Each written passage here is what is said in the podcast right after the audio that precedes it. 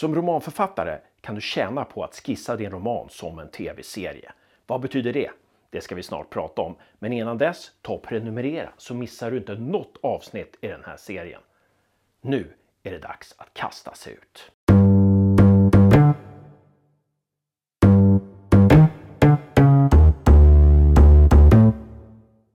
Min uppfattning är att romanförfattare antingen inte planerar sin roman alls när man skriver sig fram till handlingen steg för steg.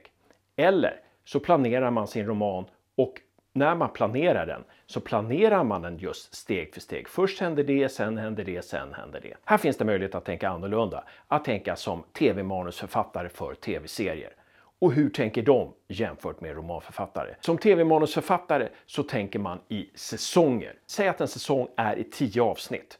Då har man en berättarbåge som spänner över de här tio avsnitten och som ska sluta i det tionde avsnittet. I det tionde avsnittet är det bra om det finns någonting som leder vidare i ännu en säsong. Då är det bra att det händer någonting i slutet, gärna flera saker, som gör att tittaren vill investera i ännu en säsong. De här sakerna planteras oftast i början av skrivandet. Och sen när man har planterat det här borta, då gäller det att i de här tio avsnitten, eller i de här nio avsnitten innan kanske, se till att det leder fram till det som ska hända i det tionde. Säg till exempel att huvudpersonen skiljer sig i det tionde avsnittet och säg till exempel att en annan viktig karaktär är med om en olycka. Då är det viktigt att här börja tänka, ja men hur kan vi göra så att det leder fram till skilsmässan? Hur kan vi göra så att det leder fram till olyckan? Att olyckan här borta makes sense, alltså rimmar med karaktären och är förtrogen med det som har hänt precis innan. Så det är mitt tips till dig. Tänk som en tv-manusförfattare. Var inte så rädd att bara bestämma dig för saker som ska hända här framme i din roman. Spännande vändpunkter som du sen måste ta och sträva mot. För det kommer betyda att mycket av det som sker i början måste förändras och mycket av det som sker på vägen måste kalibreras in inför det som ska hända på slutet. Och vad tjänar du på det här? Du tjänar väldigt mycket. Du behöver inte hela tiden vara så logiskt och ta steg för steg i din roman. Du kan kasta dig ut och hitta på vansinniga saker, stora saker omtumlande saker som du sen när du går tillbaka i inledningen måste ta hänsyn till. Det kan göra att du får hela romanen.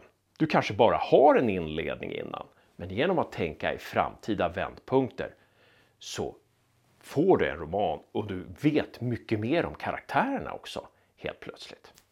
Nu har jag suttit och pratat här. Nu är det dags för dig att själv upptäcka vidden av det här genom att göra en övning. Tre saker som ska hända i din roman. Bestäm dig för tre saker, händelse 1, händelse 2, händelse 3, som ska inträffa i din roman. Tänk inte på hur du ska ta dig dit. När du har bestämt de här tre handlingarna, skissa då på hur vägen till den första händelsen kan se ut. Vad som behöver hända för att du ska hamna där. På det här planet behöver du inte fundera på vad som ska hända på punkt 2 3.